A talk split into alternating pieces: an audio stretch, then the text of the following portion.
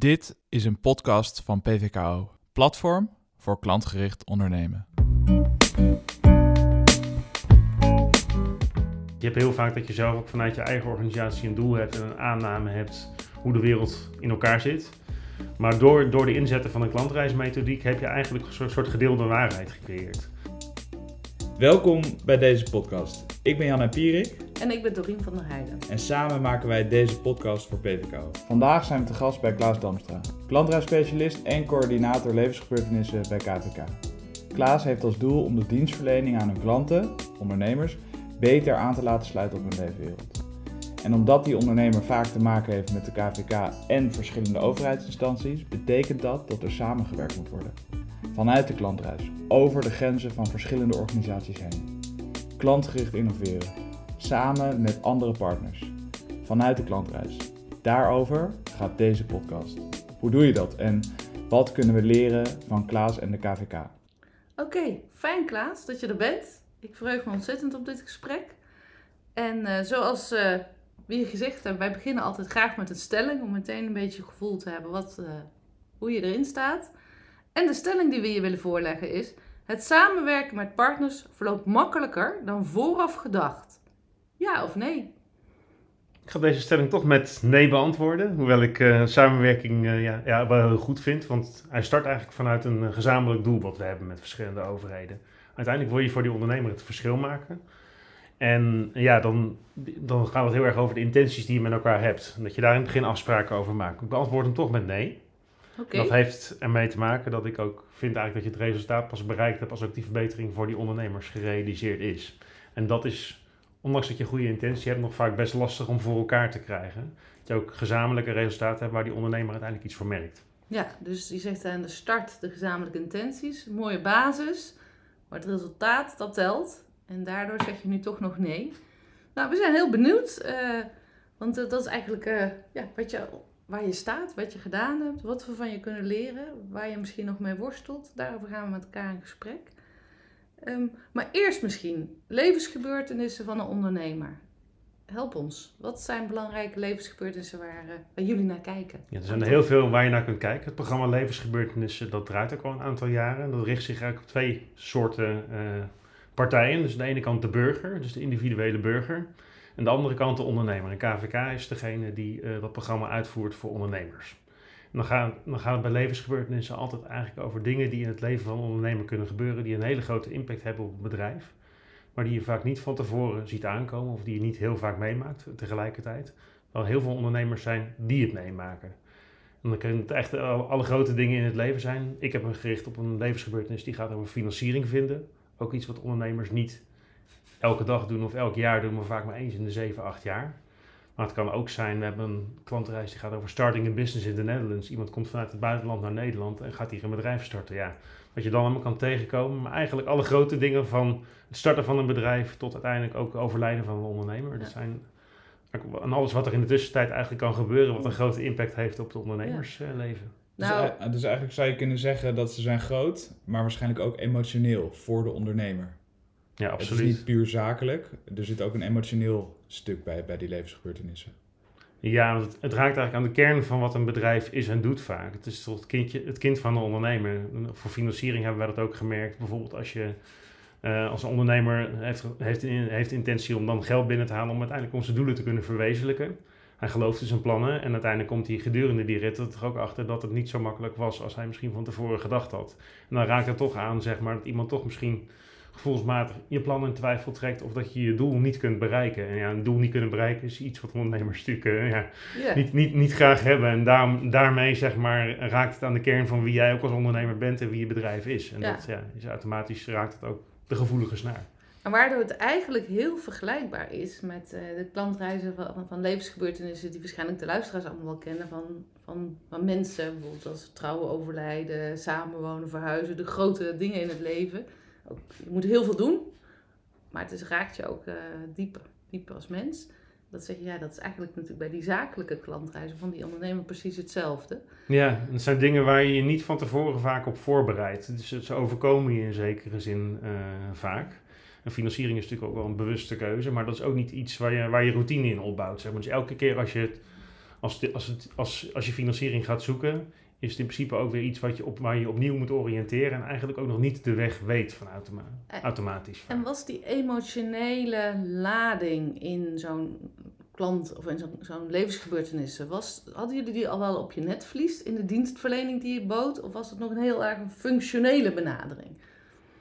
Ja, je bent ook snel geneigd om naar de functionele kant van de zaak te kijken, maar in de gesprekken hebben we wel duidelijk de emotionele kant. En dat, dat, dat is natuurlijk ook zeg maar, het- bieden van een luisterend oor voor een ondernemer. Dat hebben we ook wel gemerkt dat het ook belangrijk is. Dat iemand zijn, zijn verhaal, zijn ervaringen ook bij iemand kwijt kan.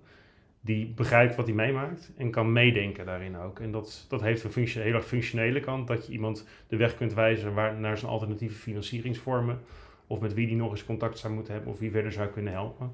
Maar het is ook gewoon het bieden van een luisterend oor en begrip tonen voor eh, de situatie waar een ondernemer in zit. En ook de emoties die die daarbij heeft. Ja. En werkt dat altijd samen? Zeg maar, is de, de, het functionele gedeelte, het proces zoals je moet lopen, loopt dat vaak overeen ook met de emotie? Of botst dat ook wel eens met elkaar? Eh, ja, sommige delen van het proces, en dan moet ik even een klein stukje op de inhoud van financiering vinden ingaan. Dus eh, wij hebben ons vooral gericht op ondernemers die eigenlijk een kleine financiering zoeken, ongeveer tot 100.000 euro. Ja. Dat zijn echt, eh, ja, dat hebben we ook gedaan gezamenlijk, omdat uit onderzoek gebleken was dat veel ondernemers in het MKB ook gewoon moeite hebben om, eh, ja, steeds meer moeite eigenlijk hebben om die financieringen rond te krijgen. En waar ze, een van de dingen die me opgevallen is ook eh, gedurende de gesprekken die we met ondernemers gehad hebben en de inzichten die we daaruit gehaald hebben, is dat ze het heel vaak nog, ja, het onpersoonlijke ook heel vervelend vinden. Je dient je cijfers in en je krijgt een oordeel eigenlijk op basis van wat de computer zegt. Waarbij je eigenlijk niet de mogelijkheid krijgt als ondernemer om ook de context van je verhaal te vertellen. Ja. En juist dat, zeg maar, dat is, eh, daar zit de emotionele kant wel heel duidelijk in. Want je wil je verhaal kunnen vertellen en kunnen uitleggen hoe het zit. En je wordt misschien wel afgewezen omdat je net in de verkeerde sector zit. Of omdat de cijfers van de afgelopen, te- afgelopen jaren net niet passen in de, de parameters die bijvoorbeeld een bank hanteert. Ja, jij zit daar met je, met je hebben en houden in je leven en je toekomst. En het antwoord is eigenlijk eh, heel functioneel. eh, heb tik je de juiste vinkjes aan, ja dan nee. En eh, Ja, maar ook de onzekerheid daarbij, eh, die vonden ondernemers ook wel heel vervelend. Want ze dienen iets in en dan weten ze eigenlijk, op dat moment weten ze nog niet helemaal waar ze aan toe zijn. En dat een doorlooptijd weten ze ook niet exact. ze moeten door een paar hoepels, maar weten niet precies welke. Zeg je, is dat wat je zegt? Ja, en ze weten ook de uitkomst van het proces niet altijd. Het kan zijn dat je heel veel extra gegevens moet aanleveren uiteindelijk. Dat is best ook een last die ondernemer dan heeft om, om bewijsmateriaal ook op te bouwen. Moet misschien zijn boekhouder aan het werk zetten.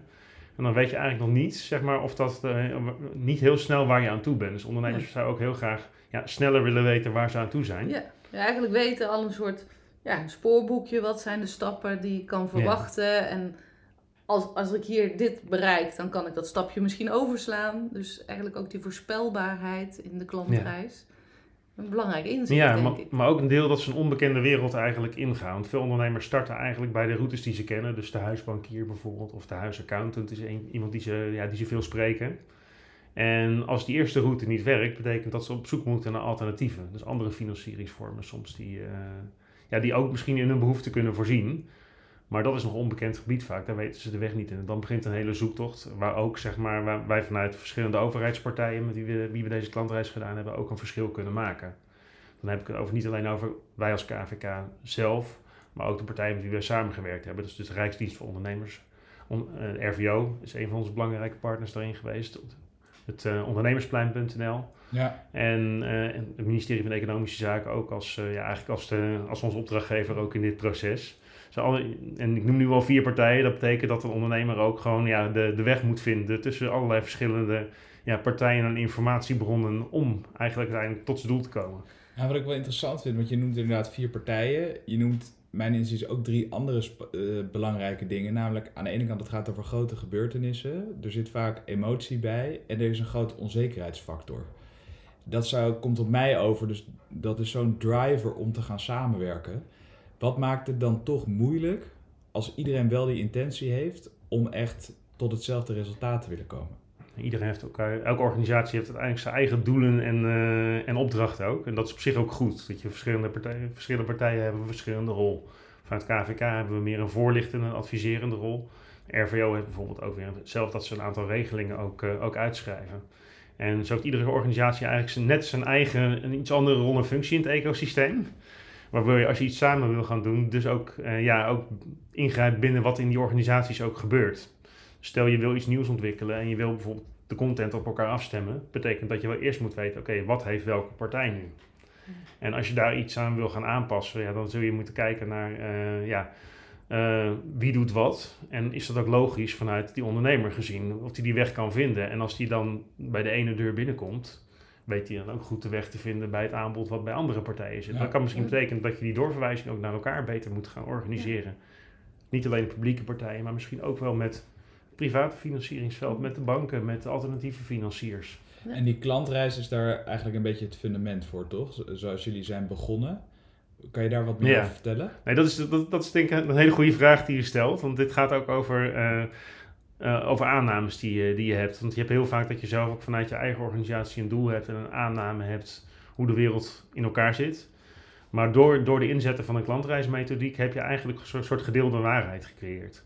Want wat die ondernemer vertelt is eigenlijk de ervaring die, eh, die hij heeft. En ja, daar kunnen we, daar hebben we van tevoren ook met elkaar afgesproken. Eigenlijk de, ja, zeg maar, we gaan niet uit van onze aannames, we gaan uit van het verhaal van die ondernemer. We zetten die ondernemer centraal. En eigenlijk is zeg maar de waarheid die de ondernemer heeft, is gewoon dan hetgene wat uiteindelijk ook de, ja, zorgt voor dat we in actie Kwamen komen. daar bijzondere inzichten door?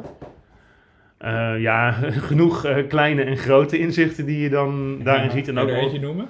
Nou, ook wel dingen die, eh, ik noem, noem eerst ook wel wat dingen die ook wel soms wel bevestigd Ja. werden. Want we, zagen we zijn gestart vanuit onderzoeken die we ook wisten dat eh, het steeds lastiger werd voor ondernemers om, eh, om die financiering rond te krijgen, met name de kleine onderne- ondernemers. Dat werd ook wel bevestigd. Wat wel een bijzondere is, is natuurlijk ook de tijd waarin we dit onderzoek gedaan hebben.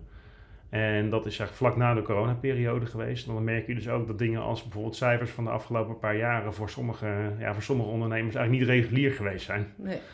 En dat, dat was een van de dingen die me ook wel opgevallen is, is dat, het, eh, dat je daarmee ook eh, zeg maar de, cijfer, de cijfermatige waarheid niet altijd het hele verhaal vertelt. En die emotionele kant, daar hadden we het net al even over, zeg maar, ja, die, eh, je weet dat het raakt aan de kern van, van, van, van een bedrijf, maar als je een ondernemer het zelf hoort vertellen, dan komt het toch anders binnen dan, dan als je het ergens leest. Maar juist zo'n emotionele kant, althans dat zie ik eigenlijk vanuit mijn eigen ervaring heel veel. Dat is iets wat moeilijker inzichtelijk te maken is. Dus als je het hoort van zo'n ondernemer of je laat quotes zien, of dan kan het heel erg binnenkomen. Maar het is moeilijk om het kwantitatief te maken. Dat lijkt me ook heel moeilijk als je gaat samenwerken. Want iedereen zal dat ook weer subjectief of op zijn eigen manier eh, tot zich kunnen nemen. Merk je dat dat lastig is? Het is sowieso met inzet van kwalitatief onderzoek is dat wel iets anders natuurlijk. Omdat je eigenlijk niet de inzichten die je haalt bij één of twee of tien ondernemers meteen kunt generaliseren naar de hele groep. Ja. Maar dat maakt die ervaring van die ene ondernemer niet minder waard. Dat is een, denk, denk ik een heel ja, een, een voorbeeld van hoe een proces kan zijn voor een ondernemer die in die situatie zit. We hadden best een diverse groep daarin van uit verschillende sectoren en bedrijfsgroottes, waardoor je ook zeg maar, die verschillende ervaringen denk ik wel hebt. En dat ik denk als je nog, als je nog 20, 30 ondernemers spreekt, dat je eigenlijk ook die, diezelfde variatie zult tegenkomen. Wat, wat, ik- wat ik heel mooi vind, is dat jullie ook aan de voorkant echt hebben besproken de waarheid van de ondernemer. Dat is even waar we dan straks van uitgaan. Hè? Dat wordt onze nieuwe gemeenschappelijke waarheid en gemeenschappelijke taal. Eh, ik denk heel krachtig om dat eh, te doen. Ik kan me voorstellen in die on- onderzoekfase, dan is het toch nog een beetje een projectenorganisatie. Hè? Dat, dat kun je doen hè, nog een beetje buiten je eigen werkelijkheid. Hè? Wat ik jou ook wil zeggen, ja, en dan komen de ja, inzichten die vragen dat, dat er dingen veranderen. Dat de dienstverlening aangepast wordt, dat anders samengehoord wordt. Jij gaf allemaal voorbeelden. En dan kom je natuurlijk meer, in- dan, dan stap je een beetje uit dat project. Dan kom je in die reguliere organisaties. Hoe zijn jullie daarmee omgegaan? Er zitten wel een paar stappen tussen Ja. nog, inderdaad. Want we hebben het, ehm, je doet het onderzoek. En wat, we, wat voor mij heel goed gewerkt heeft, is dat we daarna ook met de verschillende stakeholders, een aantal specialisten vanuit de organisaties, ook eigenlijk gezamenlijke interpretatie van die resultaten gedaan hebben. Dus we hebben heel sec de observaties bij de ondernemers, eigenlijk zonder daar direct ook een duiding of een interpretatie aan te geven, op het scherm gezet. Mooi. En ook bij iedereen langs het, eigenlijk lang bij de resultaten neergezet en gevraagd van wat zijn nou de dingen die je opvallen. Hm. En, welke, en uiteindelijk hebben we gezamenlijk dan gekeken, oké, als dit de dingen zijn waar we aan willen gaan werken, welke conclusies kun je daaraan verbinden?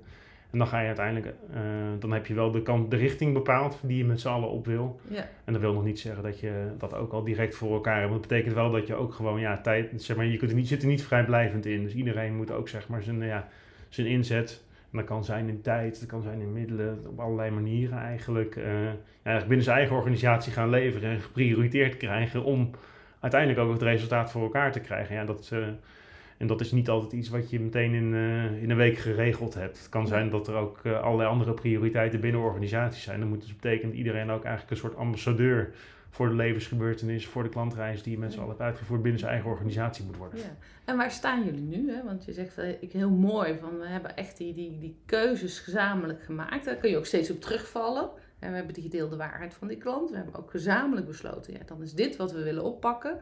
Je hebt het over ambassadeurs. Waar sta je nu in de realisatiefase? Zit je- Zit je daar nog middenin? Of zeg je, nee, we hebben de eerste echte veranderingen al voor elkaar. Ik zou wel zeggen dat het work in progress nog echt wel is. De richtingen zijn wel bepaald. En soms de ene, de ene actie is dat iets concreter dan de andere, maar we zitten echt nog in de fase dat dat ook opgezet moet worden. Als je ook structureel zeg maar, ja, nieuwe, ook nieuwe, nieuwe dingen wilt gaan realiseren, je hebt een aantal dingen die wat, misschien wat meer quick wins zijn. Dus eh, het zelf in kaart brengen van, eh, van waar zit het verschillende informatie en adviesaanbod op financiering. Zijn dingen die moet je ook prioriteren binnen de organisatie, moet ook iemand tijd voor maken. En vervolgens op basis daarvan eh, moet je ja, conclusies trekken waar misschien ook nog wel gaten zitten. Er moeten nieuwe dingen ontwikkeld gaan worden. Ja. En dat zijn ook dingen, daar moet, eh, ja, daar moet ook geprioriteerd worden. Dus daar gaan, zeker binnen overheden, is dat, het zijn gewoon processen die doe je niet in een week. Daar gaan we een aantal maanden Ja, overheen. en jullie zitten daar eigenlijk middenin nu. Ja, dan verandert mijn rol in die zin als coördinator ook wel een stukje. Want in de onderzoeksfase ben jij degene die ook zeg maar eigenlijk in samenwerking met eh, de twee collega's die, met wie ik dat samen gedaan heb eigenlijk. eh, ben jij degene die op dat moment de kaart trekt. En op het moment dat je met een kerngroep eigenlijk bepaald hebt welke richting wil je op. Dan verschuift mijn rol ook dat ik niet degene ben die eigenlijk die kaart trekt. Dat moeten de mensen binnen de organisaties gaan doen. Maar dat En is dan wel, dan is ga je monitoren als coördinator Ja. eigenlijk. Nou ja, en dat is wel, lijkt mij, ook heel lastig, complex en spannend. Want dan ben je denk ik ook meer afhankelijk van de structuren van die organisaties. Moet je daar eigenlijk een soort governance verandering in te werkstellig krijgen om tot een resultaat te kunnen komen? En dat is wel heel fijn als, die, als, als dat ook geregeld is. Want Ja. wat je dus hebt van je kunt met z'n allen die intentie hebben. Het is, heel, het is wel heel goed als bovenin de organisatie ook, als je ook merkt dat zeg maar, die aanpak gedragen wordt. Dus En hoe, ook- doe, hoe ja. doe je dat? Hoe krijg je een soort van de energie mee dat, eh, dat, dat je dat gedaan krijgt in die organisaties? Ja, dat, of het, wisselt dat per organisatie? het wisselt ook wel per, per onderwerp, per organisatie, per, per klantreis. Maar dat is wel echt een uitdaging waar we, waar we gewoon steeds continu mee aan het werk zijn. Ja, Je hebt ook binnen organisaties, je hebt, ik noemde een aantal partijen, waar een vrij kleine kerngroep. Er zijn ook levensgebeurtenissen waar eh, eigenlijk een veel groter aantal partijen ook aangesloten is, of diverser aantal partijen. En dan betekent het soms ook dat je ja, ook te maken hebt met soms wisselende mensen. Dus uiteindelijk is het ook een verbond van mensen wat je hebt, zeg maar. Dus je, je spreekt, eh, je, hebt, je hebt het over organisaties, maar je hebt het ook over mensen in organisaties die je dragen. Ja. Ja, en ook gedurende een langer, langer traject, je hebt de onderzoeksfase, die doe je misschien in een kortere periode, maar de realisatie kan zo zijn dat je ook die, die monitoring ja, misschien wel enkele maanden of soms wel jaren ook, eh, ook hebt. En dan heb je ook te maken met wisselende mensen. Dan ja. moet je eigenlijk weer nieuwe afspraken soms ook, eh, ook maken. Maar het is vooral belangrijk en dat dat ook zeg maar niet alleen het kleine clubje wat het uitvoert en draagt, maar dat er ook draagvlak is dat iedereen ook zegt, ja, we herkennen ook die ambitie vanuit het belang van die ondernemer gezien. En die adopteren we ook en daar geven we ook ruimte voor om dat op te pakken. En wat ik heel, heel krachtig eh, vind in wat je vertelt, is dat jullie echt begonnen zijn door te, echt te willen luisteren naar die klant. Ehm, nou kan ik me heel goed voorstellen, grote veranderingen kosten tijd, zeker met meerdere organisaties en zeker met meerdere grote organisaties. Hoe hou je dan die energie vast die eigenlijk die, die stem van die klant heeft gegeven? Ga je dan ook nog regelmatig opnieuw met klanten in gesprek? Om misschien ook, of, of hoe doen jullie dat? Zeker met wisselingen van mensen die misschien niet er in eerste instantie bij waren. Dan is toch, komt het misschien Ja. wel anders binnen dan een rapportje is anders dan als je het misschien echt gehoord hebt, gezien hebt. Is ook wel zo. zeg Maar je hebt een aantal collectieve sessies. Maar wat ik ook wel doe vanuit de coördinatorrol is dat ik ook met, met verschillende, verschillende ja, de mensen in de kerngroep ook wel één op één spreek. En eh, dat je daar ook altijd, als je bij elkaar bent, ook gewoon even de actualiteit meeneemt. Het is niet dat we continu ook weer nieuwe klantgesprekken doen. Maar eigenlijk iedereen heeft in zijn eigen organisaties ook wel ja, methodieken waarin we regelmatig ook weer wat nieuwe geluiden vanuit, eh, ja, vanuit de buitenwereld eigenlijk naar binnen, naar binnen brengen. Want daar doen we het uiteindelijk ook om. Zo heeft de meeste organisaties hebben een klantenpanel waarin je ook bijvoorbeeld wel weer eens een nieuwe vraag kunt kunt uitzetten. En ja, iedereen heeft voldoende contacten ook met ondernemers in het veld, zou ik zeggen, om, ja, om af en toe ook nog eens een keer een aanname te toetsen. Oké. En wat is nou, want jullie zijn een tijdje bezig. Aan de andere kant, jullie staan er ook nog volop in, zoals je nu zegt. Ja. Heb je één of twee lessen of learnings die je gedaan hebt in de afgelopen periode waarvan je zegt, die ben ik echt te weten gekomen of daar willen we op gaan veranderen hoe we onze aanpak gaan doen de komende tijd? Um, ja, je, natuurlijk altijd, je, leert, je leert continu van, hoe, van hoe, hoe dingen gaan en hoe, uh, ja, wat je daar beter in zou kunnen doen. En misschien toch een hele korte die, die ik wel het belangrijkste vind, is om toch steeds de klant centraal te houden. Wat ik merk is dat je, in die onderzoeksfase zit je er middenin, dan deel je ook je resultaten, dan heb je het daar veel over. En op een gegeven moment is het dan toch, dan ben je bezig eigenlijk met het organiseren van de realisatie. En dan zit je al snel weer in, ook in de beperkingen die je soms hebt binnen een organisatie, ook qua tijd, qua middelen, wat je tegen kan komen. En dan heb je het risico om heel erg weer met uh, ja, die, die structuurkant, die organisatie, om dingen voor elkaar te krijgen, uh, dat je daarmee bezig bent. Dat je daarmee misschien die eerste inzichten en het waarom je, waarom je eigenlijk ooit gestart bent, uh, uit het oog zou kunnen verliezen. Dus ja. daar moet je wel continu scherp op zijn. En ik ben zelf heel erg gericht op, ik wil graag snel dingen voor elkaar krijgen. Dus ja, daar moet je ook binnen overheden soms wel wat meer geduld voor hebben. En dat zit niet echt in mijn aard om dat veel te hebben. Dus. Ja. En hoe doe je dat dan? Hoe zorg je ervoor dan dat dus op dat soort momenten toch de klant weer gaat, meer gaat leven of meer centraal komt te staan? Ja, daar ook gewoon actuele voorbeelden. Steeds als we met de kerngroep bij elkaar zijn, neem ik altijd wel wat actuele voorbeelden mee. Van waarin ook een thema financiering of een relevant nieuws op dit gebied. Er zijn veel onderzoeken die gedaan worden naar financiering. Uh, of naar ja, de staat van het MKB is een onderzoek. Als die dan gepubliceerd wordt, neem ik de inzichten daarvan ook weer mee. Ja. Er zijn er, zo zijn er meerdere. Eigenlijk, er, is, er is altijd wel relevant nieuws over financiering. Ja, dus de actualiteit komt altijd bij jullie naar binnen. Ja, en heel, en heel vaak zitten er ook dingen aan die je weer kunt relateren aan wat we gezien hebben, die, die ook herkend worden, zeg maar. Ja. Ja. dus zo dat je zorgt in ieder overleg dat het wel ook even over die klant gaat. ja, het is natuurlijk, je moet, het, is, het is een zakelijk project, maar het is ook, het is, ook, het is levende materie, zeg maar. Ja. Er, gebeurt, er gebeurt ook in de wereld om je heen continu gebeuren de dingen die relevant en interessant zijn voor, ja, voor mij, maar ook voor de mensen wie, wie we verder in, uh, ja, aan tafel zitten in de klantreis. Ja. Heb je nog een ander iets wat je zegt, nou dat wil ik wel echt delen aan de luisteraar, want dat, daar heb ik zelf veel aan gehad. Of uh, nou, kan mensen misschien inspireren of juist behoeden?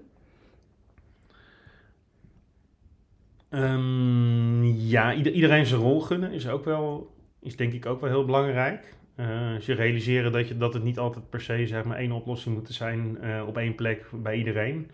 Maar dat ook heel goed kan zijn, is dat je, dat je gewoon zegt, ja, onze rol is misschien iets meer die adviserende kant. De andere partij is meer, is meer doorverwijzen.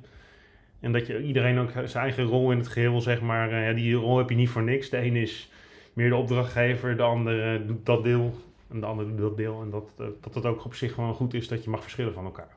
Ja, okay, gaaf. Dat is een hele belangrijke. Ja, hey, en naar de toekomst toe, wat hebben jullie nu uh, voor ogen voor zeg uh, eind 2023? Wat is dan jullie doel? Ja, ik weet niet of we dat, we hebben dat niet zo heel keihard concreet met elkaar geformuleerd, maar er zijn wel een paar acties die echt in gang gezet hebben. En een van de projecten die, uh, die, ook, die ook loopt, is dat we willen kijken naar zeg maar, of er ja, een platform zou kunnen zijn waarin ondernemers eigenlijk ook zo een, uh, ja, niet, niet de verkeerde deur kunnen vinden. Dus het ja. één deur principe voor ondernemers die financiering zoeken. Daar willen we ook naar kijken. En dan, dan denk je eigenlijk nog net ietsje groter dan alleen de overheden. Want er zijn ook, ja, het ondernemer die financiering zoekt, die is niet alleen per se op zoek naar financiering die vanuit een overheid komt, maar die kan ook vanuit het private veld komen. En het zou heel mooi zijn als je dat ook, dat ook een stuk bij elkaar kan krijgen. Dan gecombineerd ook met ja, relevant deskundig advies. En dan zijn er ook partijen waar we mee spreken. Onder andere is dat ja, ook de Stichting MKB Financiering bijvoorbeeld. Is een partij die, uh, waar, waar, waar, veel goede partijen in het veld bij elkaar komen. En waar je ook met het private veld die samenwerking zal moeten zoeken. En ook het gesprek misschien met een bank, met een bank eens een keer moet voeren. Ja. Er zijn allerlei, uh, ja, er zijn allerlei doelen die we ook hebben. Ja, mooi. En het één deur principe vind ik ook heel mooi. Ja, ambities genoeg, denk ik. Ambities meer dan genoeg. En uh, daar zouden we nog lang over kunnen praten. Maar we zitten nu ook een beetje aan de 20 minuten. Uh, waarin in ieder geval wij heel erg hebben genoten van het gesprek. Uh, en om te mogen horen van jou, Klaas, wat jouw visie is en wat jouw ervaringen zijn met klantgericht innoveren. Samen met je gebruikers. Wat is voor jullie nou de belangrijkste, of misschien wel de twee belangrijkste lessen die je aan de luisteraar mee zou willen geven? Eigenlijk val ik een klein stukje in herhaling, want de belangrijkste les die ik zou willen meegeven, hou die klant centraal. Centraal, ja. Maar dat kan niet vaak genoeg gezegd worden, Klaas. Ja. En dus toch, dit heeft ons heel erg geholpen om zeg maar echt eh, dat, eh, ja, dat de waarheid van de klant eigenlijk de basis is van waar we, waar we, waar we de stem van de klant, eh, om die centraal te zetten en te houden. En dat ja, dan halen we het nog een keer, maar dat is goed, heb ik net begrepen. Dus dan, eh, dan doen we dat gewoon nog Klant een centraal. Eh, bedankt. Bedankt Klaas voor het delen van je mooie ervaringen en inzichten. Luisteraars, bedankt voor het luisteren naar deze podcast. Heb je feedback voor deze podcast? Wil je reageren of heb je zelf een mooi verhaal over klantgericht innoveren dat je graag wilt delen? Stuur dan een bericht via het e-mailadres in de show notes. We zijn altijd nieuwsgierig naar nieuwe ervaringen en inzichten. Check pvko.nl om meer te weten te komen over onze events en vergeet je niet te abonneren op deze podcast, zodat je de volgende afleveringen niet mist. Tot de volgende PVKO podcast.